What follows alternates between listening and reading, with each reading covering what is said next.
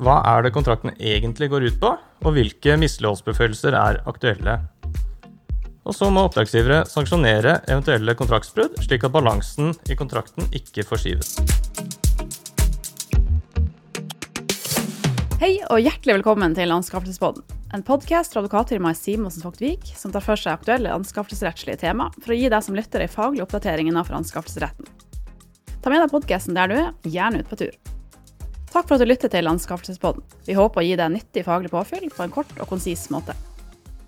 Jeg heter Nanna Christensen og jobber som advokatfullmektig i Simonsen Vogtvik, hvor jeg bl.a. bistår private og offentlige virksomheter med operativ og strategisk rådgivning i alle faser av anskaffelsesprosessen. I dag skal min kollega Anders Tue og jeg ta for oss temaet oppdragsgivers plikt til å håndheve kontrakten, og forhåpentligvis gi deg som lytter noen praktisk nyttige tips i den forbindelse. Velkommen i studio, Anders. Takk skal du ha. Gi våre lyttere en kort intro av deg sjøl. Jo, jeg har jobbet i Simonsen Fogtvik i 20 år. Jeg jobber med offentlige anskaffelser, konkurranserett og EU-rett. Og jobber både for oppdragsgivere og leverandører. Ja, i dag skal vi altså snakke om oppdragsgivers plikt til å håndheve kontrakten. Kontraktsoppfølgingsfasen som vi skal fokusere på i dagens episode, starter når kontrakten er inngått og konkurransen avslutta. En effektiv anskaffelsespraksis forutsetter at oppdragsgivere har innarbeidet gode rutiner for kontraktsforvaltning, evaluering av leveranser og avslutning av kontrakter som er nødvendig for å ta ut gevinstpotensialet som ligger i kontraktene. Begrensa kapasitet eller uklar plassering av kontraktsoppfølgingsansvaret kan ofte være en årsak til manglende oppfølging. Her er det et stort potensial for kostnadsbesparelser. I kontraktsfasen skal oppdragsgiveren sørge for at leverandøren leverer i henhold til kontrakten. Og som vi kommer tilbake til, har oppdragsgivere ikke bare en rett, men også en plikt til å håndheve kontrakten i tråd med de forutsetningene som ble lagt til grunn i anbudskonkurransen. Det innebærer f.eks. at priser som er avtalt benyttes, krav til kvalitet innfris, omfanget respekteres, leveringstid overholdes og at garantiklausuler utnyttes. Oppdragsgiver må også følge opp sine forpliktelser i avtalen. I kontraktsfasen kan imidlertid både oppdragsgivere og leverandører ha behov for å endre og tilpasse kontrakten. Det kan også oppstå behov for endringer i leveransen og kontraktsforpliktelsene som følge av manglende kontraktsoppfølging, ved at leverandøren f.eks. leverer noe annet enn avtalt eller er forsinka. Tilsvarende fra oppdragsgivers side kan det bestilles andre ytelser enn det som er avtalt. I slike tilfeller er det viktig å avklare om den aktuelle endringa er lovlig, eh, og gjennomføre da i henhold til anskaffelsesregelverket, eller om det foreligger en vesentlig endring som utgjør en ulovlig direkte anskaffelse. Anders, kan du forklare litt nærmere om hvilken situasjon er det vi skal fokusere på i dag? Ja, litt som du har vært inne på, så er jo situasjonen den at uh, den offentlige oppdragsgiveren har gjennomført en konkurranse. Man har inngått en kontrakt med en leverandør, og så skjer ikke gjennomføringen slik som man har planlagt. Det kan jo skyldes enten leverandøren, eller det kan skyldes oppdragsgiveren. Og det kan også skyldes uventede hendelser, som f.eks. en pandemi, som vi har opplevd i det siste. Anskaffelsesregelverket setter omfattende rammer for konkurranseutsetting og gjennomføring av konkurranser. Likevel så regulerer anskaffelsesregelverket i utgangspunktet ikke kontraktsfasen. Reglene om vesentlige endringer er imidlertid et unntak fra dette utgangspunktet, og regulerer hvilke endringer i en inngått kontrakt oppdragsgiver kan foreta uten at endringa blir ansett som en ny anskaffelse som må følge anskaffelsesregelverket. Dersom oppdragsgiver utfører betydelige endringer i en kontrakt, kan det foreligge brudd på de grunnleggende prinsippene i anskaffelsesloven paragraf 4 om konkurranse og likebehandling, ettersom det ikke har blitt gjennomført en konkurranse om anskaffelsen endringene i realiteten utgjør. Hensynet bak reglene om vesentlige endringer er at oppdragsgiver ikke skal kunne omgå anskaffelsesregelverket ved å dekke et behov gjennom endringer i en inngått kontrakt som skulle vært konkurranseutsatt. I de tilfeller hvor oppdragsgiver har et reelt behov for å endre en inngått kontrakt, kan det gjennomføres innenfor de rettslige rammene som oppstilles i bl.a. anskaffelsesforskriften § 28-1 og § 28-2, uten at det da foreligger en vesentlig endring som utgjør en ulovlig direkte anskaffelse. Hvilke endringer er tillatt, og hvilke endringer er det som anses som vesentlige, Anders? Anskaffelsesregelverket er jo som en stor jungel med mange forskrifter. Ofte er det sånn at den enkelte forskriften også inneholder mange deler, og hver del eh, kan jo da være et regime for en viss type anskaffelser. Men i alle deler av anskaffelsesregelverket så finner vi dette forbudet mot å gjøre vesentlige endringer i de kontraktene som man har inngått. Og disse reglene er kanskje mest utførlig beskrevet i anskaffelsesforskriften del 3, og da finner vi dette generelle forbudet mot vesentlige endringer i paragraf 28-2. Og så finnes det en hel rekke med spesifiserte typetilfeller der lovgiver har spesifisert at oppdragsgivere har rett til å endre kontrakten. og de finner vi f.eks. i anskaffelsesforskriften paragraf 28-1. Men disse unntakene, disse situasjonene i paragraf 28-1, de har lite å si for det vi snakker om i dag, som nemlig er oppdragsgivers plikt til å håndheve kontrakten. Så vi skal se mer på de mer generelle reglene, som da er representert i anskaffelsesforskriften paragraf 28-2, som nevnt. Og ifølge denne bestemmelsen så er en endring av en kontrakt vesentlig hvis øh, man endrer kontrakten slik at andre kunne ha vunnet kontrakten dersom denne endringen lå inne fra starten av. En endring vil også være vesentlig dersom man endrer kontrakten slik at andre kunne ha deltatt.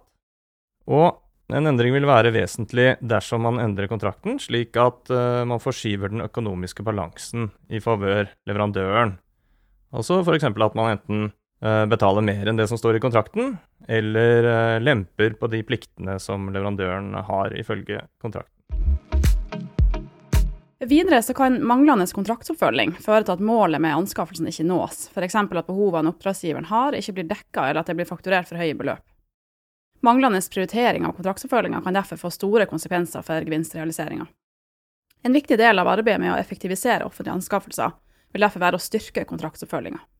Som vi straks skal gå nærmere inn på, så har KOFA slått fast at oppdragsgivers mangelfulle håndhevelse av kontraktsmislighold etter omstendighetene kan anses som en vesentlig endring av kontrakten, som da utgjør en ulovlig direkte anskaffelse. Ja, og dette utgangspunktet finner vi illustrert i KOFA sin avgjørelse i sak 2015-27, som da gjaldt Eidsvoll kommune. I denne avgjørelsen så ser vi at oppdragsgiveren hadde lagt inn et absolutt krav i konkurransegrunnlaget om at de kjøretøyene som skulle benyttes av leverandørene til å oppfylle kontrakten, de måtte som minimum ha såkalt Eurostandard 4. Og så, når kontrakten ble inngått, så viste det seg at leverandøren brukte noen dårligere kjøretøy, nemlig kjøretøy med Eurostandard 3. Dette innebar at uh, leverandøren da kunne oppfylle kontrakten med billigere og dårligere uh, kjøretøy enn det som var avtalt, og den økonomiske balansen i kontrakten var dermed forskjøvet i favør leverandøren. Så ble oppdragsgiveren tipset om dette, men KOFA fant at oppdragsgiveren hadde ikke truffet noen effektive grep for å få leverandøren til å levere som avtalt. Og klagenemnda konkluderte dermed med at innklagedes manglende håndhevelse av kontrakten utgjør en vesentlig endring. Og dermed, når man hadde endret kontrakten vesentlig, så var dette også en ulovlig direkteanskaffelse. Så det man ser av denne KOFA-avgjørelsen, det er nettopp det vi snakker om nå, at oppdragsgiver har en plikt til å håndheve kontrakten, og at denne plikten springer ut av um, reglene om vesentlig endring av kontrakt. Mm. Tilsvarende ble lagt til grunn i KOFA-sak 2020-963, som ble avsagt 11. mars i år.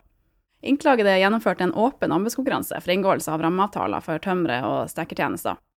Klager anførte bl.a. at kontrakten var vesentlig endra, og at innklagede dermed hadde foretatt en ulovlig direkteanskaffelse, som følge av manglende oppfølging av kravet til bruk av lærlinger ved kontraktsgjennomføringa.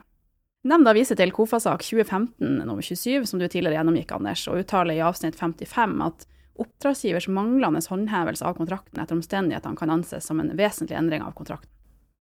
KOFA gir videre en nyttig presisering i avsnitt 62, hvor de uttaler følgende for at oppdragsgivers mangelfulle oppfølging av leverandørens kontraktsmislighold skal anses som en ulovlig direkte anskaffelse, kreves at den mangelfulle oppfølginga kan likestilles med at kontrakten er vesentlig endra. I den aktuelle saken hadde ikke innklaga gjort gjeldende misligholdsbeføyelser overfor leverandøren etter ca. en måneds forsinkelse av å fremskaffe en erstatter for en lærling som ikke dukka opp. Nemnda slo fast at innklagede ifølge punkt fire i seriøsitetskravene kunne holdt tilbake inntil fem promille av kontraktsummen dersom krav om bruk av lærlinger ble misligholdt, men at beløpet i tilfelle ville vært lavt, og at ut fra anskaffelsesregelverkets forbud mot vesentlige endringer ikke kunne utledes et krav om at en slik misligholdsbeføyelse skulle vært gjort gjeldende.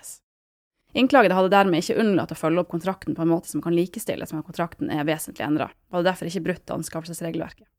KOF-avgjørelsen illustrerer at dersom den manglende håndhevelsen av kontrakten kun gjelder for et punkt av svært liten betydning, så foreligger det heller ingen vesentlig endring, og heller ingen ulovlig direkteanskaffelse.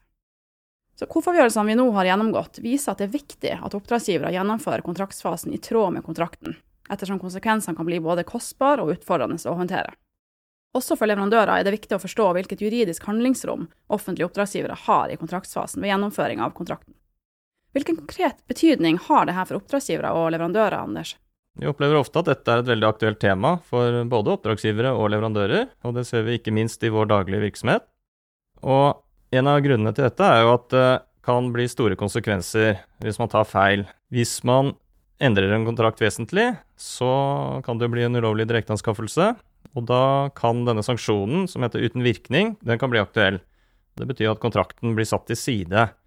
Og det har jo åpenbart veldig stor betydning for både oppdragsgiver og for leverandøren. Og oppdragsgiver kan også få overtredelsesgebyr hvis man ikke håndhever kontrakten. Og så er det jo slik det høres eh, enkelt ut. Oppdragsgiver må håndheve kontrakten. Altså oppdragsgiver må bare lese kontrakten og sikre at leverandøren leverer etter det som er avtalt. Men så viser det seg i praksis at uh, dette ikke er så lett, og det oppstår mange vanskelige situasjoner. Fordi det første man må gjøre, er jo å tolke kontrakten. Altså man må klare å lese den og klare å forstå akkurat hva som ligger i kontrakten.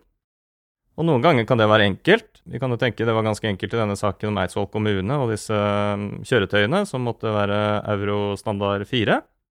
Men oftere er det vanskelig. Og f.eks. i langvarige IT-kontrakter så kan det være veldig vanskelig å fastslå hva som egentlig er innenfor og utenfor en uh, fast pris.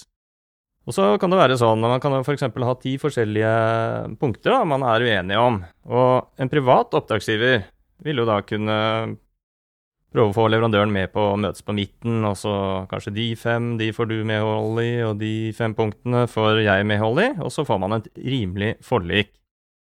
Og Da kan man jo stille spørsmålet uh, ved om en offentlig oppdragsgiver også kan på en måte bruke et sånt skipperskjønn og komme til en enighet med leverandøren.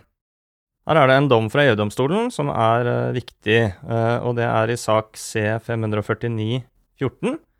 Det er en sak som vi kaller for Finn Frogne. Og der fastslo EU-domstolen at en forliksavtale i en tvistesituasjon, den skal vurderes som enhver annen avtale om endringer. Og det betyr i realiteten at oppdragsgiver er forpliktet til å fortolke kontrakten fullt ut og forstå eh, hvordan en domstol, altså egentlig da hvordan Høyesterett eller EU-domstolen ville ha fortolket denne kontrakten. Og så må kontrakten håndheves slik den er, og det er nok lite rom da for uh, en offentlig oppdragsgiver til å bruke et uh, skipperskjønn til å bli enig med leverandøren dersom det oppstår uenighet eller tvist. Det er klart at dette kan være utfordrende for uh, begge parter. Noen ganger så kan man havne i en situasjon hvor man kanskje må gå til retten for å finne løsninger, der hvor man ellers i en privat situasjon kunne ha kommet til en minnelig løsning. Anders, kan du forklare litt nærmere for våre lyttere, hva er det egentlig det betyr at oppdragsgiver må håndheve kontrakten? Ja, så hvis vi ser litt mer konkret på det, så høres også det enkelt ut. Det er jo slik i kontrakter at eh, de inneholder en spesifikasjon av det som skal leveres, og så inneholder de eh, regler om hva som skjer hvis da den ene parten ikke leverer det man skal. Eh, dette kaller vi da enten misligholdspåføyelser eller sanksjoner ved kontraktsbrudd. Hvis du ser igjen da på dette eksempelet fra Eidsvoll kommune som KOFA hadde til vurdering, så fant jo KOFA der at oppdragsgiver måtte kreve korrekt oppfyllelse av kontrakten. Og da kan jeg tenke meg at det var eh, sanksjoner i den kontrakten eh, hvis leverandøren ikke gjorde det som var avtalt. Ofte vil en oppdragsgiver ha mulighet til å kreve dagbot dersom ytelsen er forsinket. Det kan også være muligheter for å kreve erstatning dersom oppdragsgiver har lite tap pga. kontraktsbruddet. Og i de mest alvorlige tilfellene så vil jo oppdragsgiver ha rett til å heve kontrakten. Det vil si terminere kontrakten. Og det kan også være sånn at man har rett på å kombinere flere av disse sanksjonene. Og det er også andre sanksjoner, som f.eks. prisavslag, som kan være aktuelle. Så kan man se på en relatert problemstilling, og det er jo at problemene skyldes at det er oppdragsgiveren som ikke har gjort det som oppdragsgiveren skulle gjøre etter kontrakten, og at det er det som er grunnen til at kontrakten ikke oppfylles som avtalt. Og hva skjer da? Og Det har vi et eksempel på i KOFA sin avgjørelse i 2019-29. Eh, det er en avgjørelse som gjaldt Kystverket. Og Her hadde oppdragsgiveren sagt i konkurransegrunnlaget at leverandørene de måtte være klare til å levere det som skulle leveres, på en rammeavtale med nokså korte frister. Og Denne leveransen skulle da skje på ulike skip som oppdragsgiveren rådet over. Så skjedde det da at oppdragsgiveren ikke klarte å stille skipene sine til rådighet eh, så raskt som det man hadde eh, indikert i konkurransegrunnlaget, så leveringstidene ble lange. KOFA kom til at det også var en vesentlig endring av kontrakten, fordi disse leveringstidene som ble lengre enn forutsatt, de medførte at andre kunne ha deltatt. Og de medførte også at andre kunne ha vunnet kontrakten dersom de hadde visst at de kunne komme unna med lengre leveringstider da konkurransen ble gjennomført. Så den saken eh, fremstår jo som nokså streng, ettersom oppdragsgiver hadde forsøkt å si at de skipene der installasjonen skulle skje, ikke alltid ville være tilgjengelige, og at det derfor kunne bli utsettelser. Og Likevel kom KOFA til at det forelå brudd i den saken. Så da, etter å ha gjennomgått disse utgangspunktene, så kan vi jo se litt på hva de forskjellige aktørene bør gjøre da, for å navigere best mulig i dette farvannet. Og dersom det oppstår problemer i kontraktsgjennomføringen, så må jo oppdragsgiveren da sette mye inn på å fortolke kontrakten korrekt, og finne ut hva er det kontrakten egentlig går ut på, og hvilke misligholdsbefølelser er aktuelle. Og så må oppdragsgivere sanksjonere eventuelle kontraktsbrudd, slik at balansen i kontrakten ikke forskyves. Og hvordan bør leverandørene tilnærme seg slike situasjoner? Den leverandøren som har kontrakten med oppdragsgiveren, må jo da også forstå disse reglene. Og da vil man forstå at oppdragsgiver har en plikt til å benytte misligholdsbeføyelsene dersom leverandøren ikke oppfyller. Og man kan ikke regne med å slippe unna med kontraktsbrudd. Hvis det blir snakk om å reforhandle avtalen, så er det også viktig at leverandøren forstår hvilke rammer den offentlige oppdragsgiveren må operere innenfor. Og vi har sett ganske mange ganger at reforhandlinger har blitt tunge å gjennomføre fordi leverandørene ikke forstår disse reglene om vesentlig endring. Og også for de leverandørene som ikke har kontrakten, så er det et poeng å følge med her. Fordi hvis oppdragsgiveren ikke av seg selv håndhever kontrakten overfor den leverandøren som vant, så kan det være lurt å påpeke det overfor oppdragsgiveren. Og Man kan også klage til eh, KOFA eller ta ut søksmål, og på den måten så kan man noen ganger få en kontrakt ut på markedet igjen, eller i hvert fall sikre at konkurrenten da, som vant kontrakten, ikke slipper unna med manglende oppfyllelse. Ok, Anders, la oss ta en eh, kort oppsummering. Som vi har gjennomgått, så har oppdragsgivere ikke bare en rett, men også en plikt til å håndheve og gjennomføre kontrakten, i tråd med de forutsetningene som ble lagt til grunn i anbudskonkurransen. Anskaffelsesregelverket oppstiller videre et forbud mot å gjennomføre vesentlige endringer i kontraktsfasen, og oppdragsgivere må derfor gjennomføre endringen innenfor de rettslige rammene som oppstilles i bl.a. anskaffelsesforskriften paragraf 28.1 og 28.2. KOFA-avgjørelsene vi har gjennomgått, fastslår følgende. For at oppdragsgivers mangelfulle oppfølging av leverandørenes kontraktsmislighold skal anses som en ulovlig direkte anskaffelse, kreves det at den mangelfulle oppfølginga kan likestilles med at kontrakten er vesentlig endra. Og som en del av oppfølgingen så kan vi jo gjenta at det er viktig for oppdragsgiverne at de gjennomfører kontrakten i tråd med kontrakten, eh, ettersom konsekvensene kan bli veldig store dersom man bryter disse reglene om vesentlig endring. Og igjen så er det viktig for leverandørene å forstå hvilket landskap man opererer i her, hvilket handlingsrom den offentlige oppdragsgiveren har i kontraktsfasen, og det vil gjøre kontraktsgjennomføringen mye enklere hvis leverandørene forstår disse reglene. Da runder vi av og takker for oss. Anders, tusen takk for ditt bidrag i denne episoden. Bare hyggelig. Eh, så kan jeg nevne at vi har laget et webinar der hvor jeg og en annen kollega går litt dypere inn i disse problemstillinger. Og det webinaret ligger ute på nettsiden til Anbud 365. Og det er jo da en nettavis for offentlige anskaffelser. Tusen takk også til våre lyttere som vi håper har fått nyttig faglig påfyll om oppdragsgivers plikt til å håndheve kontrakten. Kanskje også fått gått en tur samtidig. Husk å følge Anskaffelsespodden enten på Spotify eller Apple Podcast for å få med deg de siste episodene. Har du spørsmål til Anskaffelsespodden eller temaforslag, send oss gjerne en e-post til podcast.svw.no. Kjære lytter, jeg ønsker deg hjertelig velkommen til neste podkastepisode. Ha det bra! Ha det bra!